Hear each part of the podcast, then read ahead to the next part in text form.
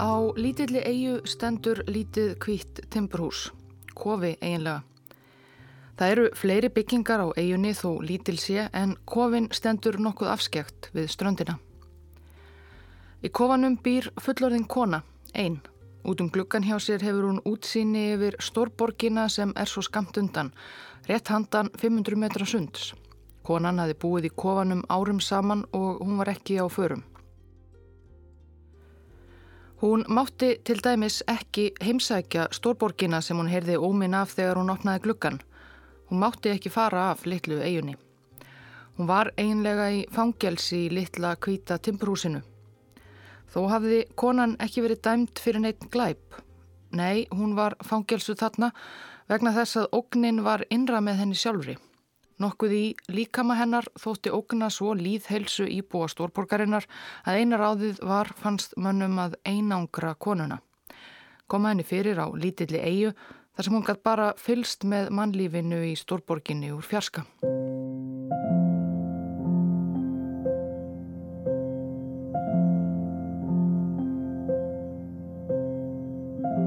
Að sleppa stundarkorn við skarkalan í stórborginni New York hafi bankamæðurinn Charles Henry Warren leikt fyrir sig fjölskyldu sína og föruneyti hús yfir sumarmánuðina í smábænum Oyster Bay með útsýni yfir sjávarsíðuna á norðurströnd Long Island. Ekki vitu við betur en sumarið hafi verið þeim ánægulegt, Warren og konu hans og börnum. Þar til 27. ágúst að yngsta dóttirinn veiktist fekk háan hita, maga og höfuverk og önnur einkenni taugaveiki. Örfám dögum síðar voru fimm til viðbútar í leiðuða sumarhúsinu orðin veik, eiginkona Vorens, önnur dóttir þeirra, tvær þjónustukonur og gardirkjumadur, öll með taugaveiki. Þetta var árið 1906 og taugaveiki, smittsjúkdómur sem nú er sjálfsíður víðast hvar á Vesturlöndum, var þá íbúum New York alls ekki framandi. Taugaveiki var eitt af erfiðustu helbreyðisvandamálum borgarinnar. Á hverju ári greindust á 15.000 manns í borginni með veikina sem laðist á meldingarkerfið og engendist af háum hita, magaverk, hægðatregðu, síðar neyðurgangi og fleiri óákjósanlegum og á stundum lífshættulegum enkennum. Sjúkdómurinn bar um 10% sjúklinga ofurliði. Aðrir voru oftar en ekki margar vikur að ná sér. En taugaveiki kom ekki upp í Oyster Bay eða hafði ekki gert það hinga til. Í Oyster Bay voru sumarhús ríka og fræga fólksins úr stórborginni. Theodor Roosevelt fórseti hjæltar til á sumrin meira segja. Taugaveiki var sjúkdómur sem týðkaðist helst meðal lástjættana hjá þeim fátæku sem byggu við þrengsli og óhreinindi mengað drikjarvatn. Veikin var svo gott sem óþægt hjá herri stjettum, fólki með almennilega hreinlætis aðstöðu og fólki vinnu við þrýf. Svo að þetta var dularfullt. Dætur Warren svo eiginkona sem og þjónustustúlkur og gardirkjumadur þau náðu sér öll og Warren fjölskyldan forðaði sér heim til Manhattan. En eftir stóð eigandi sumarhúsins með útsýnið yfir sjáarsíðina, George Thompson, með sárt ennið. Ef það orð færi af fastegn hans að þar smituðust gestir af taugaveiki, hver myndi þá vilja leia af honum næsta sumar? Engin, og hann hafði ekki efni á því. Vísindin þekktu þarna orðið gerilinn sem olli taugaveiki, salmonella enterika, og vissu að hann barst gerðnan í menn með óhreinu drikjarvatni, matvælum eða öðrum óhreinindum sem menn innbyrtu af gáleysi eða óvart. Thompson fekk því heilbriðis yfirvöld í Oyster Bay til að finkjempa fastegn sína í leitað uppbrunna smitsins. Það var ekkert að finna í drikjarvatninu, ekkert á klósetunum, gorki útinni inni, ekkert í rótfróni. Hafði smitið þá borist að utan, það fannst ekkert í mjölkinni og ostinum sem vorin fjölskyldan hafi keift. Gömul Kerling sem seldi ferskar ostrur á ströndinni lág tímabundið undir grun en hún reyndist líka saklaus. Eftir allt saman hafði engin í Oyster Bay vext nema þau sem dvöldu í húsi Thompsons með útsinnið yfir sjáarsíðuna. Lausnin hlaut að liggja þar.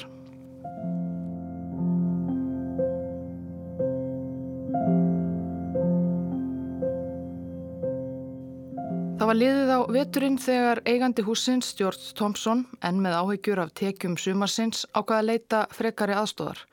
Vinir í Stórborginni bentu honum á náunga sem sérhæði sig í einmitt þessu, að þefa uppi smitt. George Soper var ekki læknir, gerðla eða verufræðingur. Hann var mentaður byggingaverkfræðingur en tillaði sig hreinlætisverkfræðing því frá útskrift hafði hann unnið öðru fremur að smitvörnum fyrir vassveitur og hannur ofinber batteri í New York, Boston og víðar. Hann hafði meðal annars áður þefað uppi uppbruna taugaveikismits. Hann gekk til verka nokkuð eins og rannsóknarlaurglumadur. Fyrst búið var að útiloka allt frá mögulega menguðu drikjarvatni til mögulega síktrar ostrukerlingar á ströndinni. Hvað var þá eftir? Sóper með bækistöðvar sínar í New York yfirheyrði voren fjölskylduna og föruneyti þeirra um hvort nokkrar breytingar hefðu orðið á högum þeirra þarna í ágústlokk 1906. Fjölskyldumæðlimir klóruðu sér í kollinum og jú, reyndar það var eitt. Í ágúst höfðu þau ráðið nýjan kokk.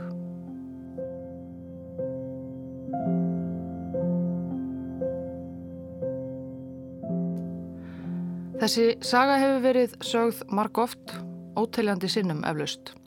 Samt sem áður er smánalega lítið vitað með vissu um aðal söguhetjuna, sögu hennar utan þess kabla sem tekinir fyrir hér. Við vitum að hún var fætt 1869 í bænum Cookstown í Tyrone síslu á Norður Írlandi. Það voru erfiðir tímar að alast upp fyrir marga Íra. Mari Mallon bjó við algjöra örbyrð fyrstu æfi árin en um 1884 fór hún svona 15 ára með öldu annara fátækra Íra yfir Allandshafið til Vesturheims hýrðist á ömurlegu þriðja farrimi þessa löngu sjólið. En komin vestur kom hún sér fyrir í New York. Þar átti hún eldri frenda og frængu sem hjálpuðu henni að koma undir sig fótunum fyrstu misserinn eða eitthvað við vitum það ekki með vissu. En ekki leið á löngu þar til hún var farin að sjá um sig sjálf, Mary okkar Malon. Hún fór allavega á endanum að vinna sem matselja, kokkur á heimilum efnaðra fjölskyldna í Stórborginni. Hún plumaði sig ágætlega í því starfi, sangant þeim heimildum sem til eru Hún var fínasti kokkur, Mary Mellon.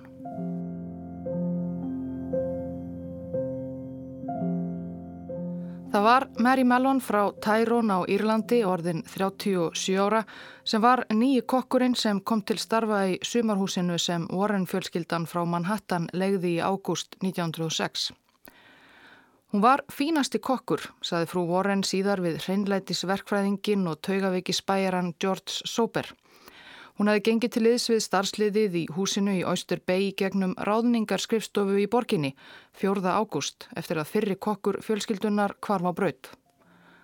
Hún var fínasti kokkur, Mary Mallon, saði frú Warren, en hún kvarf líka á braut þegar fjölskyldan hörfaði aftur til Manhattan í lok ágúst og frúin vissi síðan ekkert hvað orðið hefði af henni.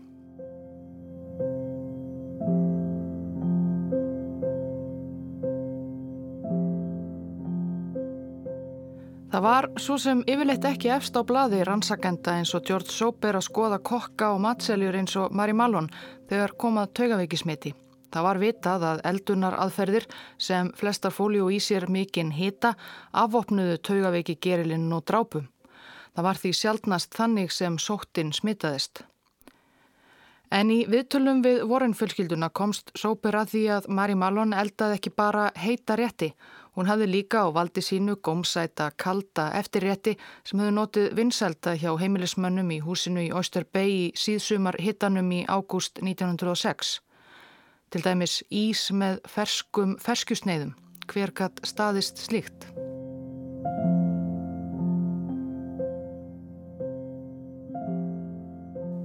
Í gegnum ráðningarskrifstofuna gatt George Soper rakið sögu Mari Mallon aftur á bakk.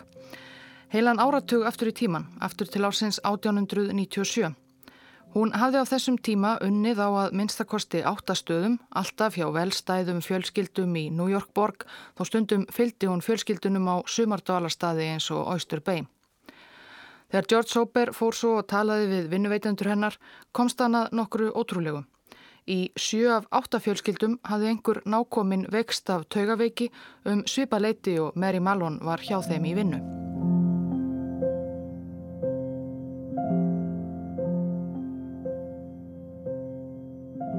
Sumarið 1900.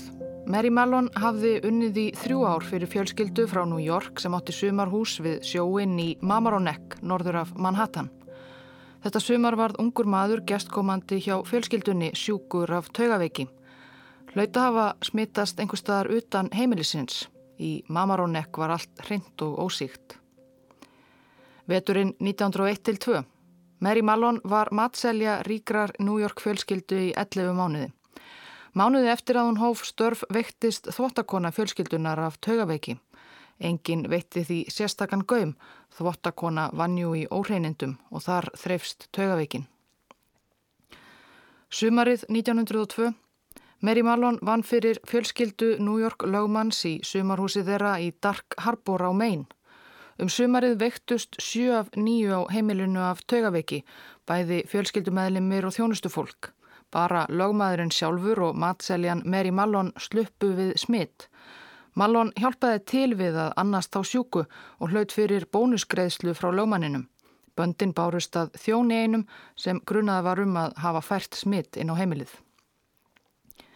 Sumarið 1904, Írska matseljan Mary Mallon hafði unnið fyrir fastegnasalan Henry Gilsey og fjölskyldu hans um hríð en þegar fjölskyldan flutti sig í sumarhúsið á Sands Point, Sands Point á hinnum svo kallaða kýrhálsi á Long Island er með því fýtna, gemur meðal annars fyrir í The Great Gatsby, þá fór þjónustufólk þeirra að veikjast af taugaveiki, þvottakonan, enga þjóttnin, kona hans og sýstir og gardirkjumadurinn. Þjónustufólki bjó í sér húsakinnum á landaregninni svo engin úr fjölskyldu fastegnasalans smitaðist. Þvottakonan veiktist fyrst, hún hlaut að hafa byrjað þetta. Sumarið 1906, Oyster Bay, einna fáum sumardvalarstöðum á Long Island sem kannski var fítni en Sands Point. Seks af 11 í fjölskyldu og föruneyti Charles Henry Warren bankamanns veiktust af tögaveiki. Við þekkjum þessa sögu úr upphafi þessa þáttar.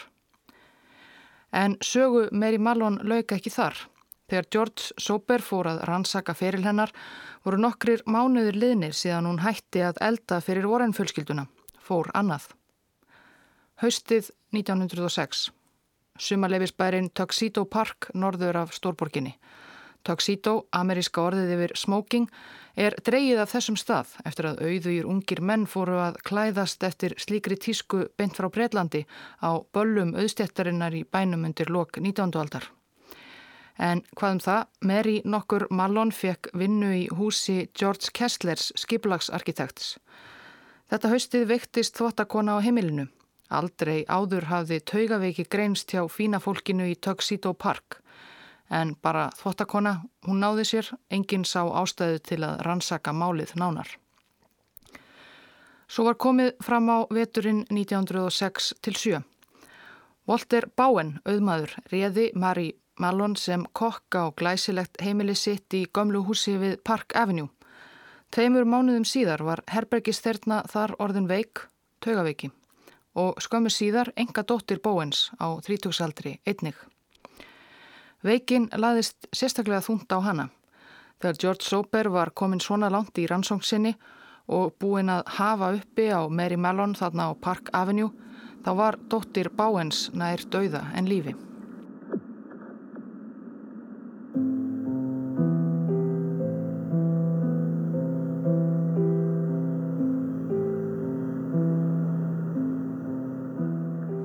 Undanfarin áratug höfðu 22 veikst af taugaveiki á heimilum þar sem Mary Mallon vann sem matselja.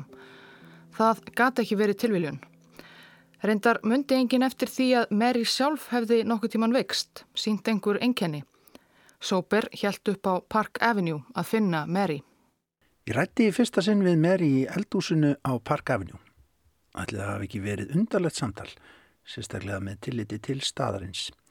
Ég reyndi að vera eins diplomatískur og hægt væri en varð að segja að mig grunaði hana um að hafa síkt fólk og að ég vildi fá síni úr þvægi hennar, saur og blóði. Þetta er úr einni af nokkrum greinum sem Soper skrifaði síðar um kynni sín af Mary Mallon. Þessi úr tímariti Læknisfræði Akademíu New York 1939 ber titil sem hljómar nokkuð eins og Sherlock Holmes saga The Curious Case of Typhoid Mary einkennilegur ferill taugaveiki Mary. Það var nafnið sem hún hlauti pressunni síðar. En já, Sherlock Holmes stemmingin heldur áfram í riti Sobers. Mary var ekki lengi að breðast við þessari uppástunguminni. Hún greip stóran kjötgaffal og nálgæðist mig. Ég flýtti mér niður langan þröngan gang í gegnum hjárnliðið og út á gangstjett. Ég var ansi fegin að sleppa. Ég viðkendi að þetta var ekki góð byrjun. Mary virtist ekki skilja að ég veldi hjálp henni.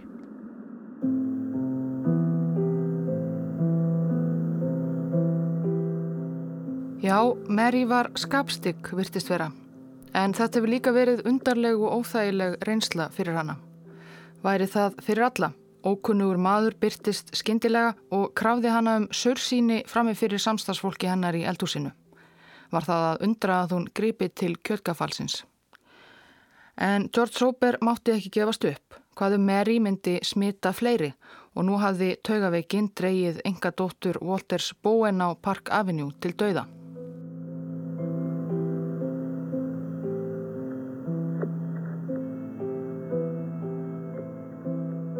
Næst tók Sóper upp á því að veita Mary eftirfur kvöld eitt eftir að vinnudeginum lauk á Park Avenue. Hún legði herbergi á efstu hæði í húsi neðar á Manhattan við Third Avenue og varði þar kvöldunum með óásjálegum náunga eins og Sóper orðaði það. Sá hjekk gjarnan á knæpu á næsta götuhorni og tegaði eitthvað áfengt laungum stundum. Sóper sá sér leik á borði, mætti á knæpuna og dró upp veskið.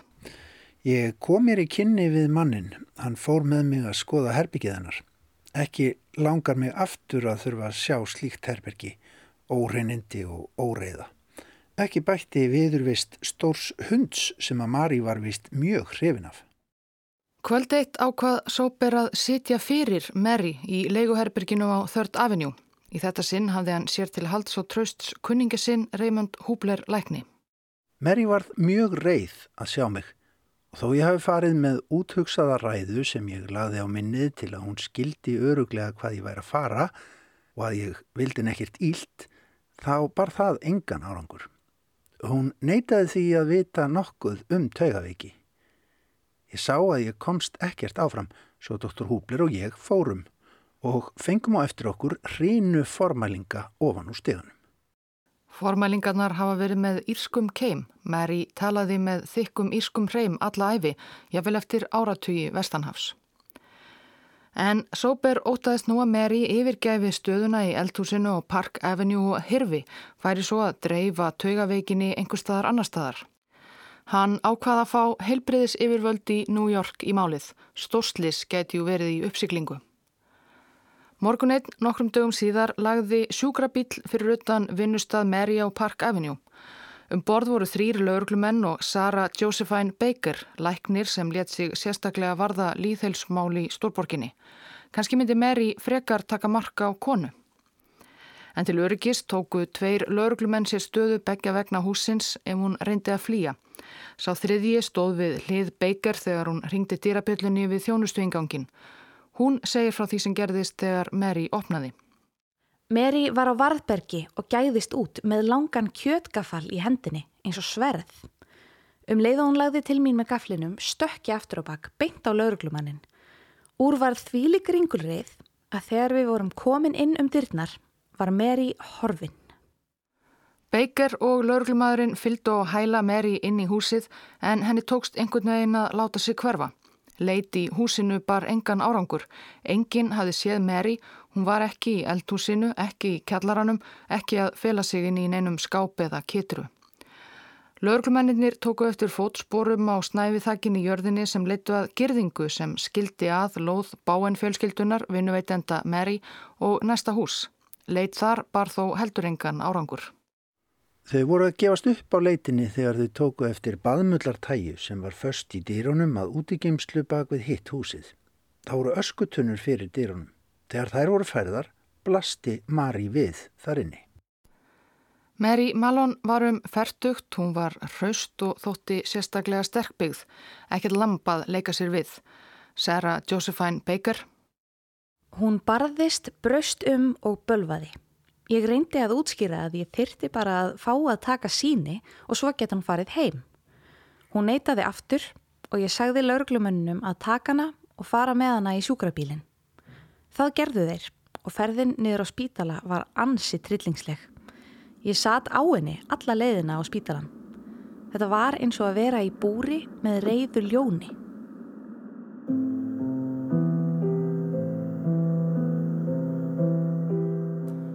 Á Willard Parker smittsjúkdóma spítalanum staðfestur ansóknir á sínum úr Mary Mallon að þrátt fyrir að hún segðist aldrei hafa verið veikað ráði, úði og grúði líkama hennar af bakteríunni sem veldur taugaveiki.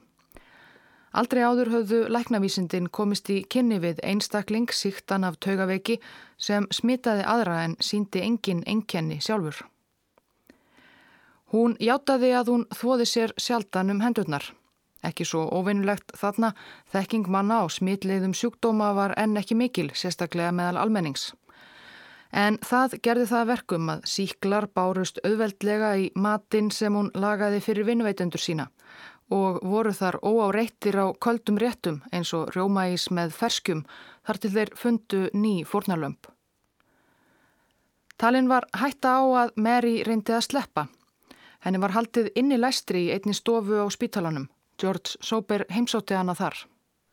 Þetta var ekki geðslegt herbergi eða sérstaklega þægilegt og það var engin ástæða til þess að sterk hraust konam um ferdugt sem að taldi sig vera við hesta heilsu ætti að sætta sig við slíkt. Og Mary gerði það ekki. Herbergið með kvítaveggi, loft og golf, kvítarúmið, kvíti baðsloppurinn sem Mary var í og reyðin í fasi hennar gerði það verkum að mér varð ansi bilt við. Samkvæmt frásögn Sóbers reyndi hann að tala um fyrir henni. Sagði henni hvernig gáleysi hennar hefði síkt fólk, reyndi að sannfara hana um að þvó á sér hendurnar og finna sér nýja atvinnu. Hann bauðst til að skrifa bók um mál hennar og gefa henni allan sölu ágóðan. Mary Mallon sagði ekki orð. Hún horfi reyðilega á hann, skrifaði Sóber, stóð svo upp úr sjúkrarúminu, fór inn á klósett og skellti á eftir sér.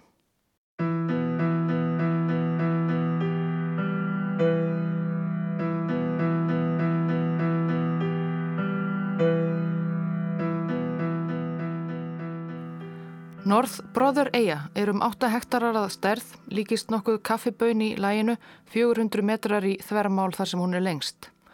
Hann er að finna í East River, ánni sem skilur að Manhattan og hverfi New York borgar á Long Island, Brooklyn og Queens.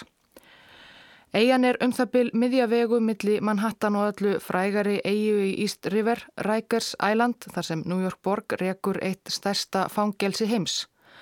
Það er bara tæpur hálfur kílometri yfir á Manhattan, háhísinn blasa við til vesturs og North Brother eigu heyrir maður vel niðin frá stórborginni.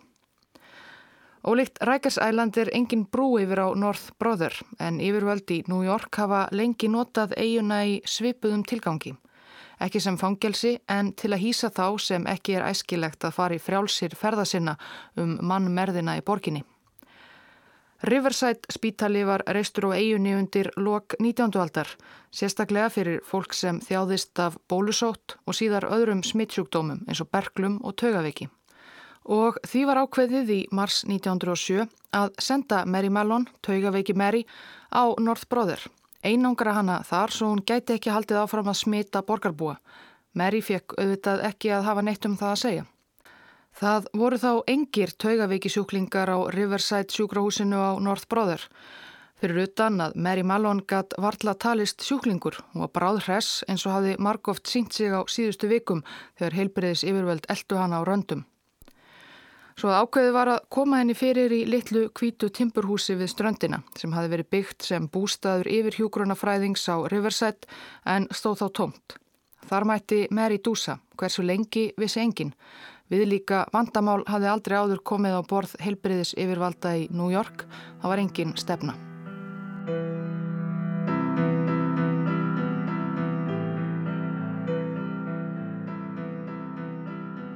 Mál Mary Mellon var á þessu stíði málsins komið í fjölmiðla. Nú var hún þekkt um alla borg og víðar um bandaríkin sem Taugaveiki Mary, Typhoid Mary. Gautublöðin skrifuðu fjálglega um ofsafengnar tilraunir hennar til að ráðast á lækna, löglumenn og hilbriðistarsfólk um glæpsamlegt sinnuleysi hennar sem hafi dreyið unga konu til dauða og valdið veikindum hjá miklu fleirum Á bladatekningum var hún sínd við eldavélina sáldra litlum hauskúpum á steikarpönnu, bókstaflega að kokka upp dauðan sjálfan. Taugaveiki Mary kom sér fyrir í kofanum á Norðbróðir. Hún mátti elda sjálf, mat sem hún fekk sendan, hafði annars lítið samneiti við fólk. Reglulega voru tekin úr henni síni, þvag, saur, blóð og nú gatt hún ekkert annað en hlýtt. Síni sem aftur og aftur síndu að hún var áfram síkt af taugaveiki. Út um gluggan á kofanum gatt hún séð stórborgina sem hafi verið hennar aðal heimili síðan hún flutti yfir hafið frá Írlandi 15 ára. Hún var ekki ánæð með að vera först á Norðbróður og hún hafi nægan tíma til að hugsa. Sumarið 1909, tveimur árum eftir að hún var flutt á eiguna, var Mary komin með lögfræðing og krafðist frelsis.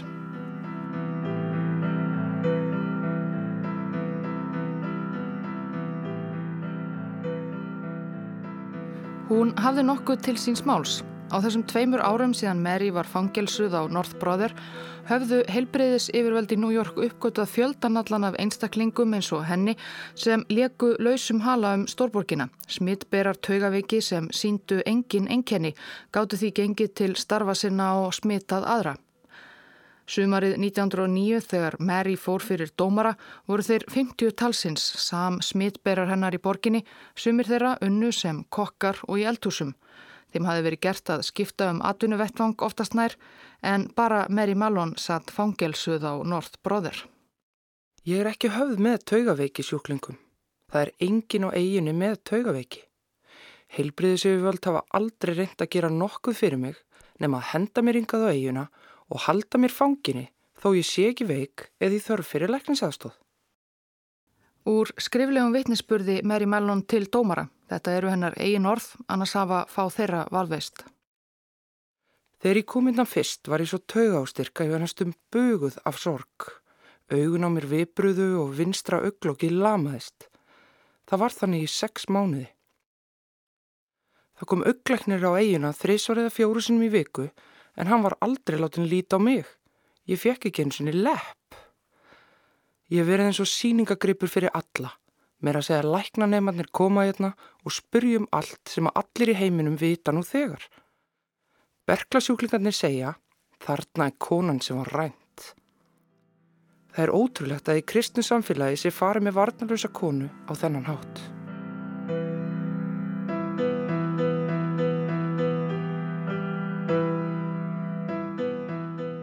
Heilbriðis yfirvöld í New York fjallustalókum á málflutning Mary og lögfræðings hennar.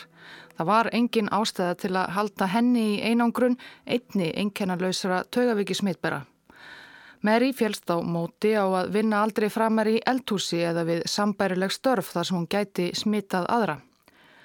Í februar 1910 var Mary Mellon látin laus eftir næri þrjú ár ein á North Brother.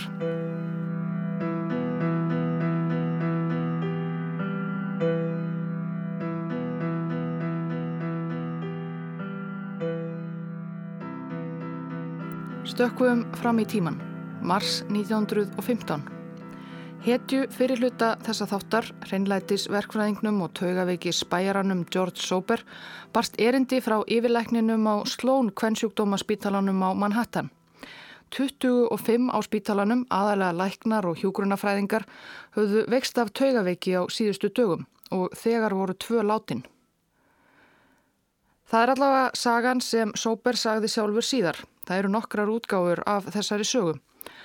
Sóper segir að í erindi yfirlæknisins hafi fyllt sögunni að í mötuneyti spítalans væri kokkur að nafni Mary sem að aðrir starfsmenn uppnemdu taugaveiki Mary.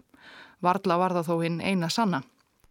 Samkvæmt frásögn Söru Josephine Baker, líðheilsu læknisins sem hafi setið ofan á Mary fyrstu ferðanar í sjúkrabíl, fekk hún veður af taugaviki faraldrinum á Slón spítala og ákvaða að mæta sjálf á staðinn og kannamálið. Hún fór inn í eldhús mötuneytisins og hverja þekkti hún þar nema hérna einu sönnu taugaviki Mary með svöndu að útbúa gelatín eftir rétt.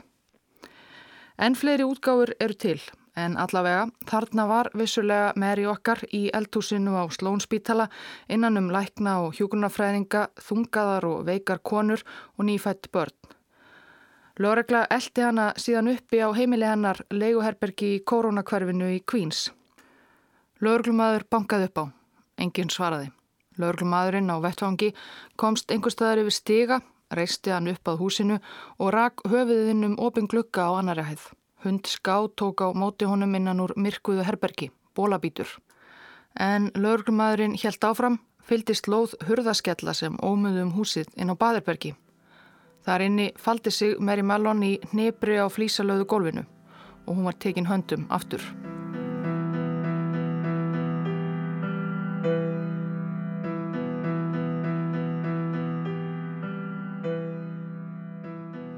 Sama þótt að væri nú vitað um fullt af engjannalausum smitberum í New York sem alls ekki allir fylgdu endilega tilmælum um að vinna ekki í veitingageranum. Það var ekki fylgst sérlega vel með þeim svo þeir komist upp með ímislegt. Þrátt fyrir allt það var ákveðið að Mary Mallon sögum innbeits brotavilja þyrti að einangra aftur eða fangelsa í litla kvíta timburkofanum á North Brother. Hún hafi verið frjáls í rúm fimm ár. Þessi fimm ár þau hefðu ekki verið Mary Mallon auðveld. Hún hafði snúið aftur til borgarinnar eftir fyrstu vistina á North Brother eigu allslaus. Hún hafði komið ángað fyrst allslaus sem írskur táningur en náðað vinna sig upp í að vera kokkur hjá einhverjum ríkustu fjölskyldum bæjarins. Það var ekki hverjum gefið. En svo var hún sett aftur á byrjunarreitt. Eftir að hún fekk leifi yfirvalda í New York til að snúa aftur fekk hún vinnu í þvottahúsi sem óbreyttur starfsmæður Allt annað en að vera yfir heilu eldhúsi á heldri manna heimili eins og áður, kominn aftur neðst í þjóðfélagstígan á byrjunarreitt. En Mary þraukaði, þó sífældirði róðurinn þingri, maðurinn sem hún hafi verið að hitta í leiguhúsnæðinu við Third Avenue, þessi sem hjekka á knæpunni, og eini maðurinn sem við vitum með vissu í dag að Mary Malone hafi átt vingott við, Hann vektist, hann var hjartveikur og lest ekki lungu eftir að hún slapp af North Brothereyju í fyrsta sinn. Þá var hún orðin A-lein. Hún hefði strítað lengi í þottahúsum, óbreyttur þræll með upp til hópa sér miklu yngri konum, var það nema vonað hún tækið í fagnandi þegar henni bauðst svo matseljustaða í mötuneyti Slónspítala. Þó hún hefði lofað því að elda ekki meir. Hún hafði aldrei skilið hvers vegna hún mátti ekki elda, aldrei skilið hvers vegna allir fullirtu að hún væri síkt af einhverju hryllilegu þó hún væri alltaf jafn hraust. Hún varð aldrei veik. Kanski var það vegna þess að hún var róðin alein að hún ákvaða að hætta öllu og fá sér vinnu í eldhúsi á nýjanleik. Hverju hafði hún einstæðingurinn svo sem að tapa?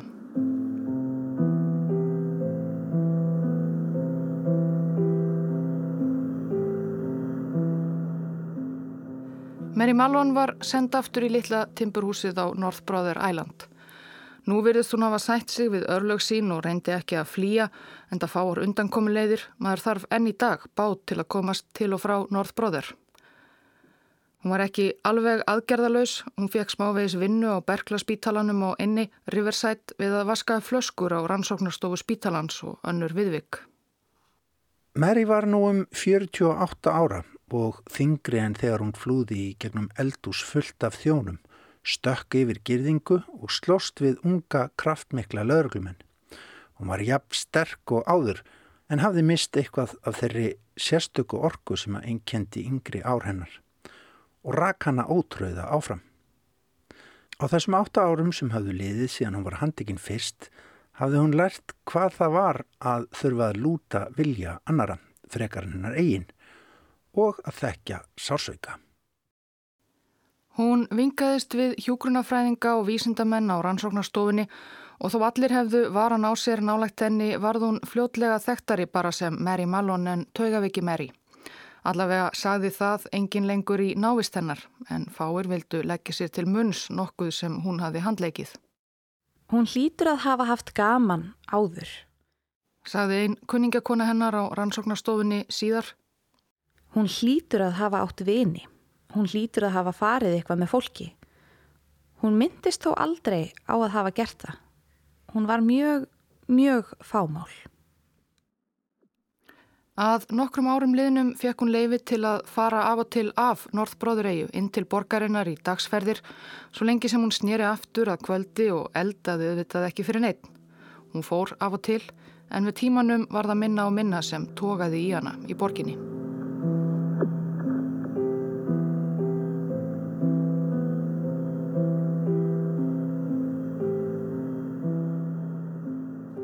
Taugaveiki Mary var þá löngu orðin góðsagnakent persóna á ERN.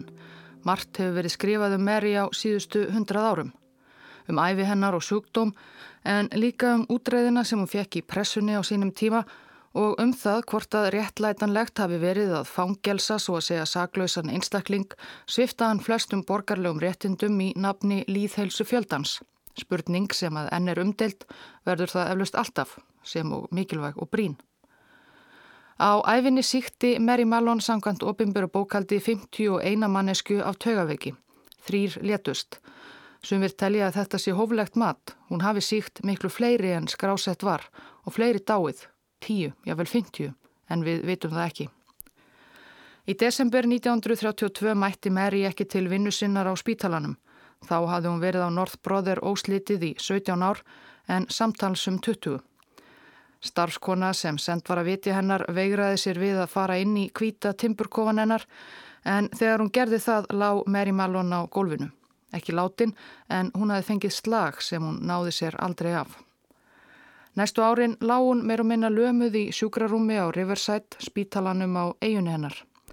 Mary Mallon lést 11. november 1938, 69 ára, eftir næri þryggja áratuga dvöl á North Brother Island.